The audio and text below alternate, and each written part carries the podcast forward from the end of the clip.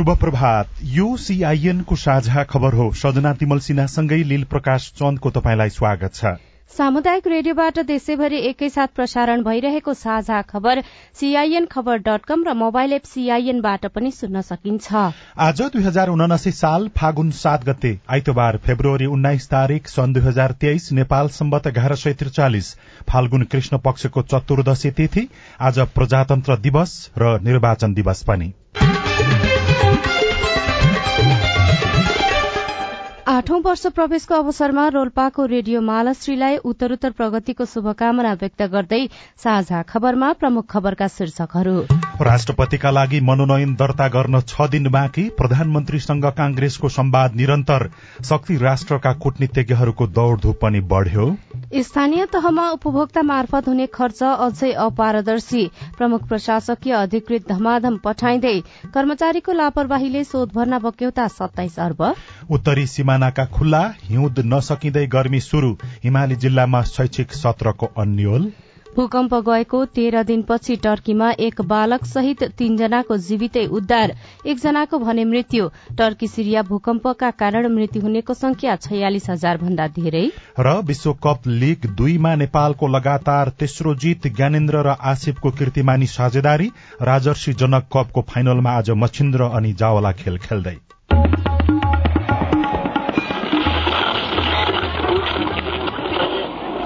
Radio. हजारौं radio कर्मी र करोड़ौं नेपालीको माझमा यो हो सामुदायिक सूचना नेटवर्क सीआईएन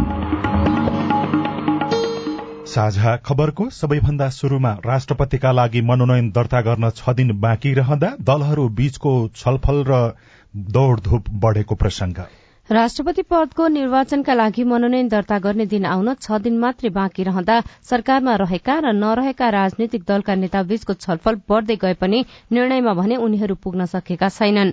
सरकारमा रहेका नेकपा माओवादी केन्द्र नेकपा एमाले लगायत दलका नेताबीच पनि निरन्तर छलफल भइरहेको छ भने नेपाली कांग्रेसले पनि माओवादी केन्द्र लगायतका दलका नेतासँग औपचारिक तथा अनौपचारिक छलफललाई बढ़ाउँदै लगेको छ।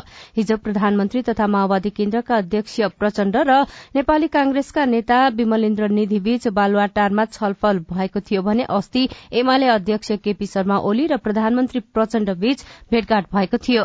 अस्ति नै कांग्रेस वरिष्ठ नेता रामचन्द्र पौडेलले राष्ट्रपतिको निर्वाचनमा मिलेर जाने बारेमा जनता समाजवादी पार्टीका अध्यक्ष उपेन्द्र यादवसँग पनि छलफल गर्नु भएको थियो।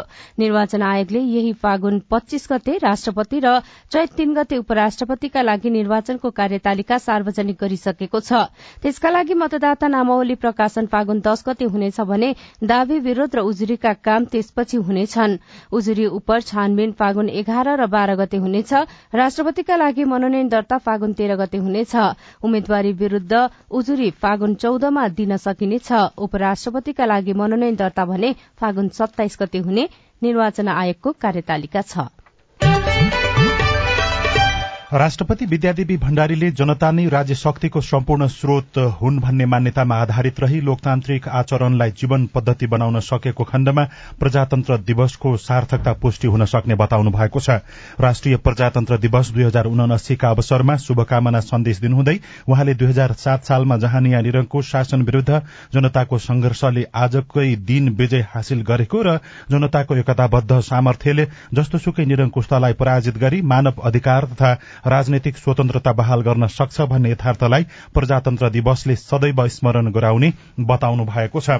आज प्रजातन्त्र दिवस सरकारले पनि तीन दिनसम्म प्रजातन्त्र दिवस मनाउने भनेर यस अगाडि नै निर्णय गरिसकेको छ। सीआईएनसँग कुराकानी गर्दै एकजना राजनैतिक शास्त्रका प्राध्यापक कपिल श्रेष्ठले प्रजातन्त्र दिवसको औचित्य बढ़े पनि सच्याउनु पर्ने धेरै कुराहरू बाँकी रहेको टिप्पणी गर्नुभयो। हाम्रो देश नेपालमा जनता सहभागी भएर गरेको आन्दोलन र क्रान्ति मध्ये सबैभन्दा जेठो र सबैभन्दा महत्वपूर्ण आन्दोलन हो। दुई हजार सात सालको प्रजातान्त्रिक आन्दोलन र क्रान्तिले एउटा त्यो बाटो नदेखाएको भए नेपालमा सायद राणा शासन कति समयसम्म टिकिराख्थ्यो भन्न सकिन्नथ्यो र सायद त्यो सात सालको क्रान्तिले नेपालमा एउटा जुन मध्ययुगीन किसिमको एउटा राणा शासन थियो लाई नेपाली जनताले समाप्त गरिदिएर एउटा प्रजातन्त्रको बाटो खुल्यो। नेपाल एउटा खुलापन एउटा स्वतन्त्रता एउटा मौ त्यतिखेर मानव अधिकार भन्ने चलन थिएन मौलिक अधिकार। जनता आफैले चुनेको सरकार बनाउने यसको योगदान अविस्मरणीय छ। प्राध्यापक डाक्टर लोकराज बरालले नेपाली जनताले ठूल्ठूला परिवर्तन गरे पनि सुशासनको प्रश्न भने अझै पेचिलो बनिरहेको टिप्पणी गर्नुभएको छ। अहिलेको लोकतन्त्रको जग बसाल्न दुई हजार सात अघि त्यसपछि र जनताले गरेको त्याग र बलिदानलाई जिम्मेवारी पूर्ण ढंगले वहन गरेर सुशासनको पक्षमा राजनैतिक नेतृत्व अगाडि बढ़नुपर्ने उहाँलेमा बढ़नुपर्नेमा उहाँले जोड़ दिनुभएको छ। प्रजातन्त्र दिवसको अवसरमा प्रधानमन्त्री लगायत राजनैतिक दलका नेतृत्वहरूले शुभकामना पनि व्यक्त गरेका छन्। यसैबीच पूर्व राजा ज्ञानेन्द्र शाहले राजनैतिक दलहरूसँग सहकार्यको प्रस्ताव अघि सार्नु भएको छ। राष्ट्रिय प्रजातन्त्र दिवसको पूर्व सन्ध्यामा हिजो शुभकामना सन्देश जारी गर्दै उहाँले देश जोगाउन प्रजातन्त्रको लागि अपरिहार्य राजनैतिक दलहरू र लामो समय देशभक्ति पूर्व ऐतिहासिक विरासत बोकेको राज संस्था आएर आपसी विश्वासका साथ सहकार्यको लागि विलम्ब गर्न नहुने बताउनु भएको हो। उहाँले नेपालको निरन्तर अधोगतिप्रति अब आफू मौन रहन नसक्ने भन्दै पछिल्ला वर्षहरूमा देशको दीर्घकालीन शान्ति स्थिरता र अन्तर्राष्ट्रिय सम्मान र सार्वभौमिकतामा चिराचिरा पर्न थालेको भन्दै चिन्ता पनि व्यक्त गर्नुभएको छ। स्थानीय तहले उपभोक्ता समिति मार्फत गर्ने विकास निर्माण र खरिदमा मापदण्डको पूर्ण पालना नगरेको पाइएको छ। उपभोक्ता समिति मार्फत काम गर्न पाइने व्यवस्था भए पनि उपकरणको प्रयोग गर्न पाइँदैन भने स्थानीय नागरिकले रोजगारी पाएको हुनुपर्ने सार्वजनिक खरिद ऐन नियमावलीमा उल्लेख गरिएको छ। तर उपभोक्तालाई भन्दा पनि डोजर जेसीबी लगायतका यन्त्रको प्रयोग गर्ने र उपभोक्ता समितिले नै विकास निर्माणका काममा ठेक्का लगाउने अभ्यास चलिरहेको छ। सीआईएनसँग कुरा गर्दै सार्वजनिक खरिद अनुगमन कार्यालयका प्रवक्ता सहसचिव उमेश ढुङ्गानाले पालिका र वडा स्तरका अनुगमन समितिले यसतर्फ विशेष ध्यान दिनुपर्ने बताउनुभयो। निर्माणको हकमा मालसामानको हकमा दस लाखसम्म त सोझै खरिद गर्न नै पाउने अवस्था छ।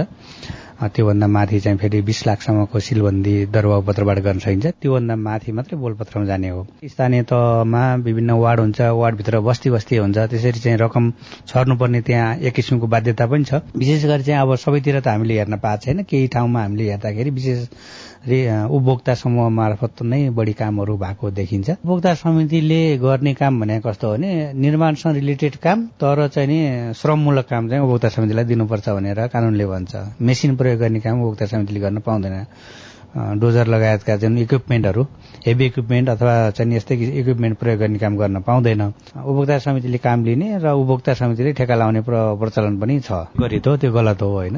त्यस कारण जुन काम श्रममूलक छ श्रममूलक काममा चाहिँ उपभोक्ताले पनि बेरोजगार मान्छेले पनि काम पाउँछ त्यो भन्ने हिसाबले हो।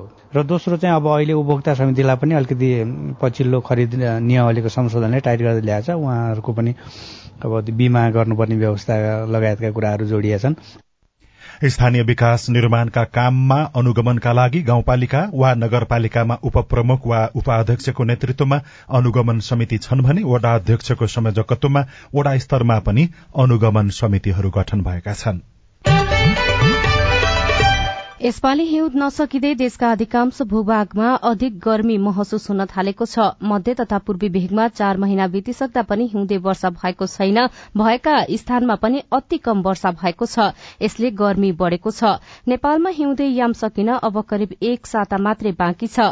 पछिल्ला केही वर्षका हिउँद सुक्खा बन्दै गएको जल तथा मौसम विज्ञान विभागका वरिष्ठ मौसमविद डाक्टर इन्दिरा कडेलले सीआईएनसँग बताउनुभयो। दशकको हिउँद अवधिको वर्षाको तथ्याङ्क हेर्ने हो भने हिउँदहरू चाहिँ सुक्खा हुँदै गएको देखिन्छ। पछिल्लो सोह्र वर्षको तथ्याङ्क हेर्ने हो भने पनि दसवटा वर्षमा खडेरीको अवस्था देखिन्छ भने त्यसमध्ये पनि छवटा वर्षमा अत्याधिक खडेरीको अवस्था देखिन्छ। जस्तो चौसठी पैसठी बहत्तर त्रिहत्तर चौहत्तर र सतहत्तरको हिउँदमा अत्याधिक खडेरीको अवस्था थियो भने यो वर्ष पनि अहिलेसम्म वर्षा खासै भएको छैन। गएको जनवरीमा पश्चिम नेपालका केही भूभागहरूमा थोरै हिमपात र वर्षा भए पनि सरदरभन्दा कम नै रहेको छ। जल तथा मौसम विज्ञान विभागको मौसम पूर्वानुमान महाशाखाले हिउँदे वर्षाको सम्भावना टर्दै गएको बताएको छ।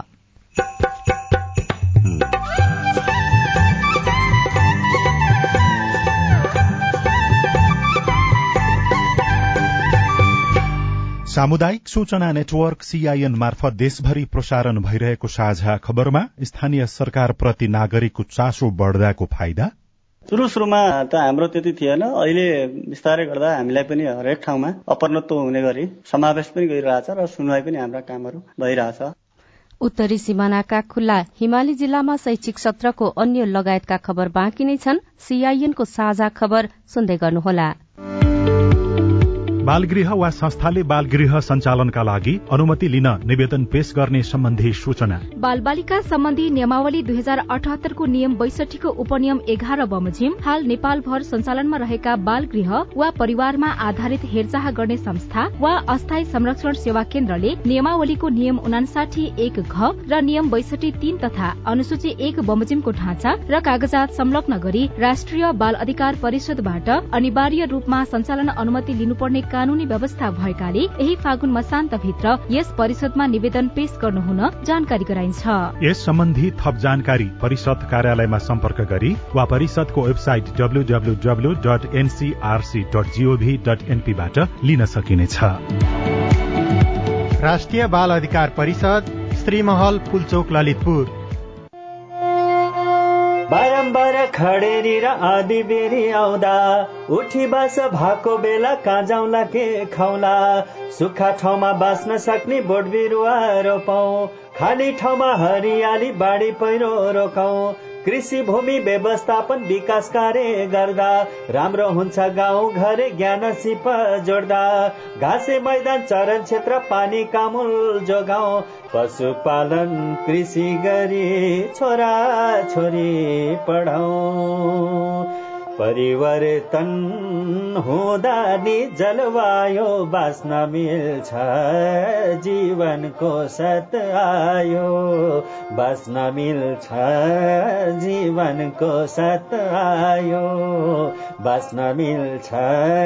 जीवनको सत आयो। जलवायु परिवर्तनले निम्ताएका चुनौतीको सामना गर्न जमिन जल र प्राकृतिक स्रोत व्यवस्थापनका सर्वोत्तम उपलब्धिहरूको कार्यान्वयन गरौं। पारिस्थितिकीय प्रणालीमा आधारित अनुकूलन आयोजना जलवायु परिवर्तन तथा व्यवस्थापन महाशाखा वन तथा वातावरण मन्त्रालय र सीआईएन। सामाजिक रूपान्तरणका लागि यो हो सामुदायिक सूचना नेटवर्क सीआईएन। तपाई अहिले देशभरिका सामुदायिक रेडियो सीआईएन खबर डट कम र मोबाइल एप सीआईएनबाट एकैसाथ साझा खबर सुन्दै हुनुहुन्छ। मोबाइल एप नेपाली पात्रोबाट पनि सीआईएनको साझा खबर सुनिरहनु भएको छ। अब आज काठमाडौँबाट प्रकाशित पत्र पत्रिकाको खबर। गोर्खापत्र दैनिकमा खुल्ले उत्तरी नाका शीर्षकको खबर छापिएको छ। चीनले उत्तरी नाका खुल्ला गरेको छ। रसुवाको केरूङ र हुम्लाको यारी नाका खुल्ला भई सामान आयात निर्यात हुन थालेको छ। नयाँ वर्षको कारण देखाउँदै चीनले माघ छ गतेदेखि पन्ध्र दिनका लागि नाका बन्द गरेको थियो। हाल नियमित रूपमा नाका खुल्ला भई सामान आयात निर्यात हुन थालेका छन्। नयाँ पत्रिका दैनिकमा खबर छापिएको छ बाक्लियो शक्ति राष्ट्रको कूटनीतिक दौड़ शीर्षकमा खबर छापिएको छ। पछिल्लो दुई महिना यता नेपालमा शक्ति राष्ट्रहरूबाट कूटनीतिक भ्रमण बाक्लिएका छन्। पुस यता अमेरिकाबाट तीनजना वरिष्ठ अधिकारीको भ्रमण भइसकेको छ भने चाँडै सुरक्षा मामिला हेर्ने अधिकारीको भ्रमण हुँदैछ। बेलायत युरोपेली संघ र भारतबाट पनि भ्रमण भएको छ। छिमेकी चीनबाट भ्रमण भएको छैन। भ्रमणमा आउनेले उच्च राजनैतिक नेतृत्वसँग भेटवार्ता गरिरहेका छन्। पूर्व परराष्ट्र मन्त्री र विज्ञ भन्छन् पार्टीहरू बीचको सम्बन्ध खलबलिएको छ। यसमा छिमेकी र टाढाका मित्र चासो पनि राखेका छन्। यस्तै अर्को खबर छ सशस्त्रमा अस्त व्यस्त वृत्ति विकास पहिलो ब्याजका बीस वर्षमै डीआईजी तेस्रो ब्याजका उन्नाइस वर्षमा डीएसपी। तीस वर्ष जागिर आधा भन्दा धेरै अवधि एउटै पदमा रहेको खबर छापिएको छ। द्वन्दले विशेष परिस्थितिमा स्थापना भएको सशस्त्र प्रहरी बलमा प्रहरी निरीक्षकको पहिलो ब्याजका अधिकृतहरू नायब महानिरीक्षक डीआईजी तहमा पुगेका छन् तर उनीहरूभन्दा नौ महिनापछि भर्ना भएका भने डीआईजी भन्दा तीन तह मुनि डीएसपीमै कार्य कार्यरत छन्। यस्तै अर्को खबर छ मानव अधिकार उल्लंघनका घटना बढ़दो छ। एक वर्षमा सात हजार तीन सय छयत्तर पीड़ित त्रिपन्नको कारागार र चारको हिरासतमै मृत्यु भएको छ। इन्सेकले सार्वजनिक गरेको यो तथ्याङ्क हो। नागरिक दैनिकमा शासन प्रणालीको विकल्प खोजीमै बिते सात दशक शीर्षकमा बालकृष्ण अधिकारीले खबर लेख्नु भएको छ। अब त केही हुन्छ कि भन्ने आशै आसमा बहत्तर वर्षमा विभिन्न शासन प्रणालीको प्रयोग भयो तर जनताको अवस्थामा परिवर्तन गर्ने व्यवस्थालाई स्थायित्व दिन राजनैतिक नेतृत्व चुक्दा धर्मनिरपेक्षता समावेशिता सहितको संघीय लोकतान्त्रिक गणतन्त्रात्मक शासन व्यवस्थाप्रति पनि तीव्र असन्तुष्टि बढ़दै गएको भनेर खबरमा उल्लेख गरिएको छ। उराट लाग्दो हिमाली भेग शीर्षकमा सन्तोष पोखरेलले पोखराबाट लेख्नु भएको छ यसपालि हिउँ र पानी नपर्दा कृषिमा असर पर्ने देखिएको छ। स्याउ खेतीका लागि हिमपात अनिवार्य छ यसपटक हिमपात नहुँदा उत्पादन घट्ने चिन्तामा किसानहरू छन्। राष्ट्रपतिमा कांग्रेसलाई सघाए सरकारमा साझेदारी कोसँग शीर्षकमा कुलचन्द्र नेउपानेले कान्तिपुर दैनिकमा लेख्नु भएको छ संसद विघटनका विषयमा नबोल्ने बरू बहस गर्दै जाने समझदारी विपरीत ओलीजीले विघटन सही भनिदिनुभयो। एउटा त्यही नै तोडियो। मातृका यादव जो माओवादी केन्द्रका उपमहासचिव हुनुहुन्छ उहाँले प्रतिक्रिया दिनुभएको छ। भित्रीपन्नामा हिमाली जिल्लामा शैक्षिक सत्रको अन्यल शीर्षकमा डीबी बुढाले जुम्ला र आश गुरूङले लमजुकबाट लेख्नु भएको छ। यसई बाहेक सबै कक्षाको बार परीक्षा पुषमै सञ्चालन फागुनबाट नयाँ सत्रको पढ़ाई शुरू जाडो छल्न झरेकाहरू फर्किँदै गरेको खबरमा उल्लेख गरिएको छ। यस्तै कारोबार दैनिकमा कर्मचारीको लापरवाहीले शोध भर्ना बक्याउँदा सत्ताइस अर्ब शीर्षकमा खबर छापिएको छ। नेपालका विकास साझेदारहरूको अनुदान र ऋण सहयोगको बजेट प्रयोग गर्ने सरकारी उच्च अधिकारीको लापरवाहीका कारण दात्री निकाय वा संस्थाहरूबाट लिनुपर्ने शोध भर्नाको बक्याउँदा सत्ताइस अर्ब रूपियाँ पुगेको छ। विदेशी सहयोगबाट संचालित आयोजनामा पहिले नेपाल सरकारको बजेट खर्च गर्ने र पछि आवश्यक प्रक्रिया पुर्याएर उनीहरूबाट त्यसको शोध भर्ना लिनुपर्ने कानूनी व्यवस्था छ। आयोजनामा बस्ने कर्मचारीहरूले सरकारको बजेट खर्च गर्ने तर त्यसको शोध भर्ना लिन ताकेता नगर्ने प्रवृत्तिले ठूलो रकम बक्यौता रहेको हो। साझा खबरमा अब हेलो सीआईएन सुनिल राज भारतबाट। राजकुमार नेपाली नुवाकोट जिल्ला शिवपुरी गाउँपालिका मलाई चाहिँ दलित भनेर सार्वजनिक स्थलमा गाली बेजेती गरिएको छ र त्यस गाली बेजी गर्ने व्यक्तिलाई कस्तो खालको कारवाही गर्छ? जातीय भेदभाव तथा छुवाछुट गरेको पुष्टि भए तीन महिनादेखि तीन वर्षसम्म कैद वा एक हजार रुपियाँदेखि पच्चीस हजार रुपियाँसम्म जरिवाना वा दुवै सजाय हुनेछ। तर त्यसको लागि तपाईँले नजिकैको प्रहरी कार्यालयमा उजुरी दिनुपर्नेछ। पाल्पाबाट वीरेन्द्र बोगटिया हाम्रो गाउँमा फुटबल खेल्ने ग्राउन्ड छैन त्यो फुटबल खेल्न हामीलाई फुटबल ग्राउन्ड बनाइदिनु म अनुरोध गर्न चाहन्छु तपाईँको गुनासो सुनेपछि पाल्पाको माथागढी गाउँपालिकाका अध्यक्ष यम बहादुर चिडी भन्नुहुन्छ। सबै वडाहरूमा खेल मैदान बनाउने भन्ने चाहिँ सोच छ। जस अनुसार हामीले प्रत्येक वडामा कम्तीमा पनि भूगोलको साथ दिने गरी भलिबल ग्राउन्ड चाहिँ एउटा राम्रो खेल आयोजना गर्ने हिसाबले बनाउँदै जाने। त्यसको निम्ति अब फराकिलो ठाउँ फुटबल खेल्नको निम्ति हामी चाहिँ भूगोलले चाहिँ साथ दिनु पर्यो। कमसेकम फुटबल भनेको त अलिकता ठाउँ धेरै चाहियो। र हाम्रो माथागढी गाउँपालिकाको फराकिलो ठाउँ फुटबल खेल्नको लागि चार नम्बर र दुई नम्बर त्यसै गरी तिन नम्बरको भाग भूगोलहरूमा चाहिँ सजिलो छ। त्यो ठाउँमा फुटबलको मैदानहरूलाई हामीले थप स्तरोन्नति गर्ने योजनाका साथ हामी लागेका छौँ। र त्यति मात्रै नभएर हामीलाई भाइलाई चाहिँ म जानकारी पनि गराउन चाहन्छु माथागढी गाउँपालिकाले अहिले नै सात आठ नौ गते राष्ट्रपति रनिङ सिलको चाहिँ जिल्ला स्तरीय खेलकुद आयोजना पनि गरिरहेको छ। त्यसो हुँदाखेरि माथागढी गाउँपालिकाले खेलकुदलाई चाहिँ उच्च प्राथमिकताका साथ विभिन्न क्रियाकलापहरू चाहिँ गरिरहेको छ र भाइको ठाउँ र गाउँ जान्न पायो भने त्यो ठाउँमा पनि सम्भाव्यता अध्ययन गरेर फुटबलको ग्राउन्ड बनाउनलाई भूगोलले साथ दिन्छ भने हामीले त्यसको निम्ति पनि के गर्न सकिन्छ त्यो प्रयत्न गाउँपालिकाको तर्फबाट हामी रहन्छौँ। नमस्ते म शिवालय गाउँपालिका वार्ड नम्बर पाँच हालारेको जाजरकोबाट त्यो शिवालयमा विद्युतका पोल हानेको दुई वर्ष भइसक्यो। अनि यहाँ दुई वर्षसम्म यो काम गर्दा ठेकेदारले त्यो हानेको पोलहरू कमजोर भएर सबै ढलिसकेर ती तारहरू पनि सबै काटिसकेका छन्। अब यसको बारेमा दसैँ तिहार अगाडि नै लगत्तै बिजुली बल्छ भन्ने कुरा सुनिन्थ्यो तर अहिलेसम्म कुनै केही केही अत्तो नै छैन। यसको बारेमा जानकारी गराइदिएको भए आधारित हुन्थ्यो। जवाफ दिँदै हुनुहुन्छ शिवालय गाउँपालिकाका अध्यक्ष शेर बहादुर शाही। यो सरकार आइसकेपछि अनि क्रमशः जहाँ जहाँ गए त्यहाँ चाहिँ जस्तो वार्ड नम्बर सातमा वार्ड नम्बर दुईको केही पार्टमा वार्ड नम्बर तिनमा वार्ड नम्बर आठमा वार्ड नम्बर एकमा ट्रान्सफर जोड्दै अनि बिजुली बाल्दै अगाडि बढिरहेको छ कार्यक्रमहरू तपाईँ जुनसुकै बेला हाम्रो टेलिफोन नम्बर शून्य एक बान्न साठी छ चार छमा फोन गरेर आफ्नो प्रश्न जिज्ञासा गुनासा तथा प्रतिक्रिया रेकर्ड गर्न सक्नुहुनेछ। साझा खबरमा अब विदेशका खबर। टर्कीमा भूकम्प गएको तेह्र दिनपछि भग्नावशेषमा पुरिएका एक बालक सहित तीनजनाको उद्धार गरिएको छ। भग्नावशेषमा फँसेको दुई सय छयानब्बे घण्टापछि उद्धार गरिएका व्यक्तिहरूलाई स्ट्रेचरमा राखेको तस्विर समाचार संस्थाहरूले प्रसारण गरेका छन्। तीनजनालाई भग्नावशेषबाट बाहिर निकालिएको भए पनि एकजनाको भने अस्पताल लैजाने क्रममा मृत्यु भएको स्थानीय संचार माध्यमहरूले जनाएका छन्। टर्की र सिरियाको सिमानामा गत फेब्रुअरी छ तारीकमा गएको सात दशमलव आठ रेक्टर स्केलको भूकम्पमा परेर अहिलेसम्म छयालिस हजार भन्दा धेरैको मृत्यु भइसकेको छ। चिसो मौसम र लामो समय भग्नावशेष हटाउन नसक्दा बाँकी व्यक्तिलाई जीवितै उद्धार गर्ने सम्भावना क्षीण बने पनि उद्धारकर्मीले आफ्नो अभियानलाई तीव्रता दिइरहेका टर्कीका अधिकारीहरूले बताएका छनृ। र नेदरल्याण्डले आफ्नो देशमा रहेका रूसी अधिकारीलाई तत्काल देश छाड्न निर्देशन दिएको छ। जासुस पठाउन लागेको आरोपमा रूसी अधिकारीलाई तत्काल देश छाड्न डच सरकारले निर्देशन दिएको समाचार संस्था अल जजिराले लेखेको छ। रूसी अधिकारीलाई आफ्नो देश छाड्न दुई हप्ताको समय दिइएको पनि डच सरकारलाई उद्धृत गर्दै खबरमा उल्लेख छ। साझा खबरमा अब खेलकुदका खबर। आसिफ शेख ज्ञानेन्द्र मल्ल र कुशल मल्लको अर्धशतकीय पालीको सहयोगमा आइसिसी विश्वकप क्रिकेट लीग दुईमा नेपालले नामिबियालाई तीन विकेटले हराएको छ। त्रिवी क्रिकेट मैदानमा टस हारेर पहिले ब्याटिङ गरेको नामिबियाले निर्धारित पचास ओभरमा छ विकेटको क्षतिमा दुई सय चौहत्तर रन बनाएको थियो। नेपालले सत्तालिस दशमलव तीन ओभरमा सात विकेटको क्षतिमा दुई सय अठहत्तर रन बनाएर लक्ष्य हासिल गर्यो। चालू त्रिदेशीय श्रृंखलामा नेपालको यो लगातार तेस्रो जीत हो। ओपनर आसिफ शेख र तेस्रो नम्बर क्रिजमा आएका पूर्व कप्तान ज्ञानेन्द्र मल्लले कृतिमानी साझेदारी गर्नुभएको छ। हिजोको खेलपछि पत्रकारसँग बोल्दै खेलाड़ी ज्ञानेन्द्र मल्लले भन्नुभयो डिफिकल्ट विकेट्सहरूमा चाहिँ हामीले स्कोर गर्न नसके जस्तो लाग्छ र अब अहिले नेपालमा हामीले यो सेकेन्ड सिरिज नै खेलिरहेको थियो होइन? अनि त्यो सँगसँगै अब ड्रेसिङ रुममा पनि जुन किसिमले कोचले एउटा सहजता ल्याइदिएको छ होइन? प्लेयर्सहरूलाई कन्फिडेन्स एउटा दिएको छ पोजिटिभ जुन अप्रोच छ होइन? जुन हाम्रो माहौल एउटा भनौँ न। सो त्यो पनि क्लिक गर्छ लाग्छ। सानो सानो कम्पोनेन्ट्सहरू चाहिँ क्लिक गर्छ जस्तो लाग्छ कि मलाई चाहिँ। यहाँबाट गइसकेपछि फेरि अर्को सिरिज अर्को डिफ्रेन्ट ठाउँमा हुन्छ होइन? पिच डिफ्रेन्ट हुन्छ डिफ्रेन्ट टिम हुन्छ होइन?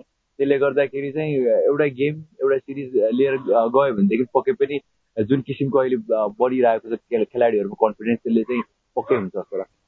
प्रधानमन्त्री पुष्पकमल दाहाल प्रचण्डले काठमाडौँमा जारी आइसिसी पुरूष क्रिकेट विश्वकप लीग दुई अन्तर्गत त्रिकोणात्मक श्रृंखलामा उत्कृष्ट प्रदर्शनबाट लगातार तेस्रो जीत निकाल्न सफल भएकोमा नेपाली टीमलाई बधाई दिँदै उत्कृष्ट खेलाड़ीलाई सरकारको तर्फबाट प्रोत्साहित र पुरस्कृत गरिने विश्वास दिलाउन चाहन्छु भनेर हिजो सामाजिक सञ्जालमा उहाँले प्रतिक्रिया दिनुभएको छ। सर्लाहीको बागमतीमा जारी सातौं राजर्षि जनक कप फुटबल प्रतियोगिताको फाइनल जित्ने मच्छिन्द्र फुटबल क्लब र जावला खेल युथ क्लबले दावी गरेका छन्।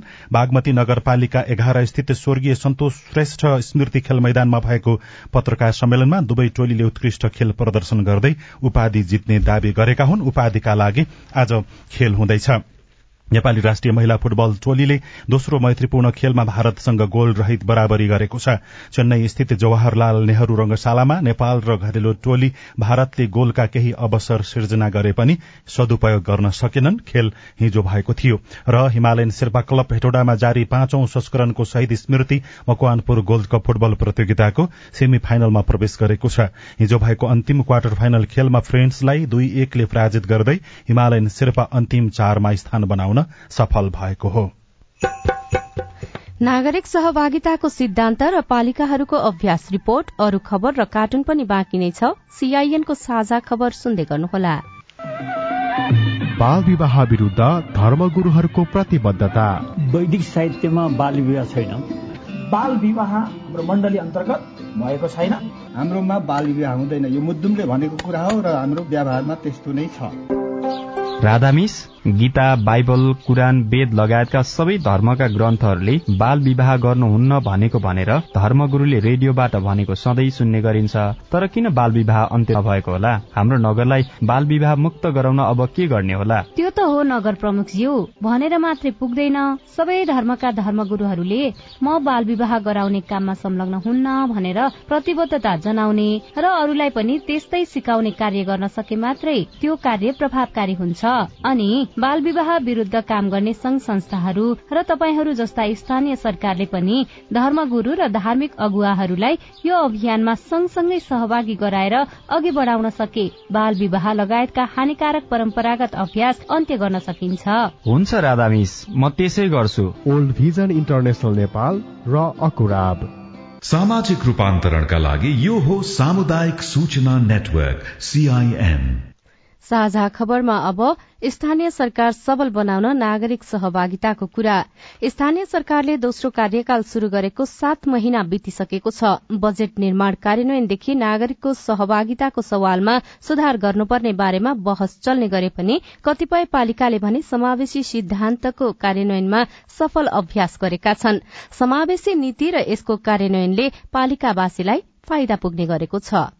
कैलालीको टिकापुर नगरपालिका भित्रका महिला सीमान्तकृत समुदाय आदिवासी जनजाति समुदायका नागरिक हिजो आज आफ्नो लागि छुट्याएको बजेट कसरी कार्यान्वयन हुँदैछ भनेर खोजीनीति गरिरहेका छन्। बजेट बनाउने बेला नै सुझाव लिने दिने गरिएका कारण पनि जान्न बुझ्न मन लागेको बताउनुहुन्छ दिगो विकास महिला सञ्जाल टिकापुरका अध्यक्ष चन्द्रावती शर्मा। दुई हजार चौहत्तर सालदेखि हरेक योजना छनौट गर्दाखेरि महिलाहरूलाई अरू वडाको खासै मलाई थाहा भएन। हाम्रो वडा नम्बर एकमा बोलाउँछ हजुरहरूले के के हाल्ने हो कस्तो गर्ने हो सबै मिलेर हाल्नुहोस् आफ्नो संघ संस्थाको हाल्नुहोस्। महिलाहरूलाई स्वरोजगार बनाउने उहाँहरू के अरे आफ्नो कुनै के हामीले काम दिएर उहाँहरू काम सिकेर आफ्नो आय आर्जन गर्ने कामहरू हाल्नुहोस् भनेर उहाँहरूले हामीलाई भन्नुहुन्छ। टिकापुर अपाङ्गता संघका अध्यक्ष बद्री प्रसाद जैसीको पनि नगरपालिका प्रतिको बुझाइ सकारात्मक नै छ। नगरपालिकाले अपाङ्गता भएका व्यक्तिलाई पनि बजेट तर्जुमा तथा योजना निर्माणमा सहभागी गराउने गरेको उहाँको भनाइ छ।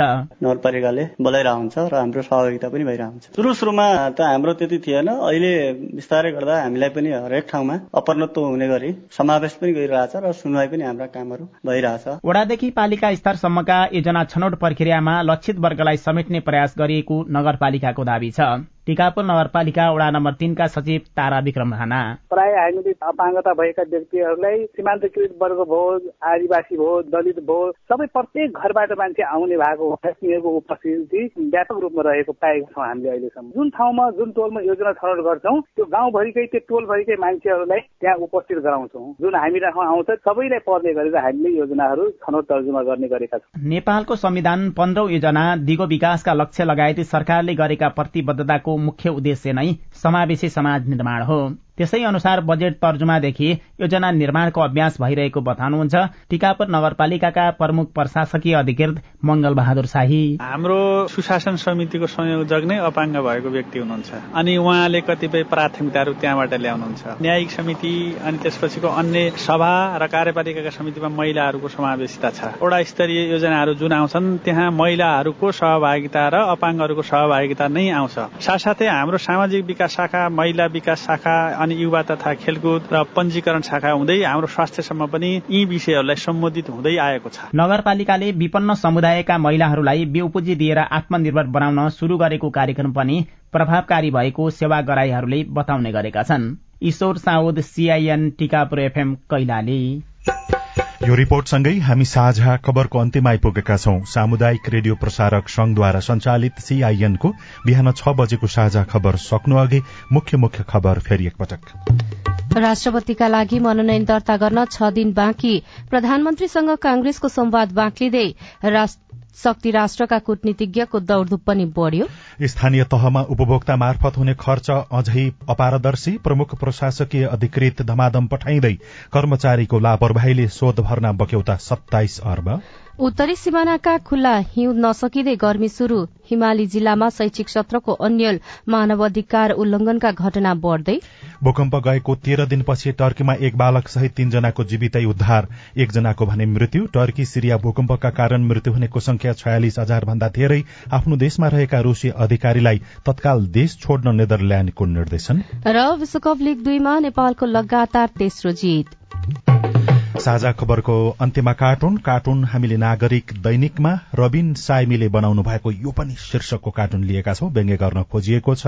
पूर्व राजा ज्ञानेन्द्रले देशको हालत बिग्रदै गएका कारण अब मौन बस्न नसक्ने भनेर हिजो प्रतिक्रिया दिनुभएको छ। दुईजना व्यक्ति छन्। एकजना व्यक्तिको मुखमा नाकमा मास्क लगाएको देखाइएको छ। अर्को एकजना व्यक्ति बोल्दैछन्। माथि चाहिँ यस्तो लेखिएको छ। किन मौन बस्ने? लोकतन्त्रमा हरेक नागरिकलाई बोल्न छुट छ त। हवस् त प्राविधिक साथी सुनिल राज भारतलाई धन्यवाद। अहिलेलाई लील प्रकाश चन्द र सजना तिमल सिन्हा विदा भयौं। तपाईँको आजको दिन शुभ होस्। नमस्कार। यसपछि देशभरिका सामुदायिक रेडियोबाट कार्यक्रम संवाद प्रसारण हुनेछ। सुन्ने प्रयास गर्नुहोला।